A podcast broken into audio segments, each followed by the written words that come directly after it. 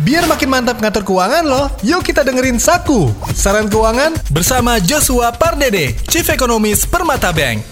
Simpelnya kita bisa lihat misalkan saya ambil contoh mau beli gorengan. Sebelumnya itu kita misalkan beli gorengan, kita beli 2000 dapat 5. Nah, tapi kalau terjadi inflasi dengan uang 2000 kita mungkin bisa dapatnya 3. Dari yang kita bisa dapat 5 gorengan, sekarang kita hanya dapat 3 gorengan. Definisi bakunya adalah memang terjadi kenaikan harga-harga. Nah, ini penyebabnya bisa beberapa faktor. Adanya misalkan gangguan supply ataupun pasokan. Misalkan seperti bawang merah, cabai merah itu di pasar harga bawang bawang itu lagi pada naik. Hmm. Nah, karena apa? Terjadi gagal panen sehingga yang beli tetap tapi dari sisi yang pasokannya berkurang, nah ini bisa terjadi inflasi. Ditambah lagi juga seperti kita ambil contoh, harga BBM sudah naik. Beli Pertalite misalkan ya 7.650, sekarang kita harus bayar dengan uang 10.000 ya. Jadi artinya harganya lebih mahal. Nah, itu juga sebut sebagai inflasi. Jadi di kenaikan harga-harga yang dialami bukan oleh satu orang saja tapi seluruh uh, masyarakat yang ada di suatu wilayah ataupun suatu negara itu disebut sebagai inflasi.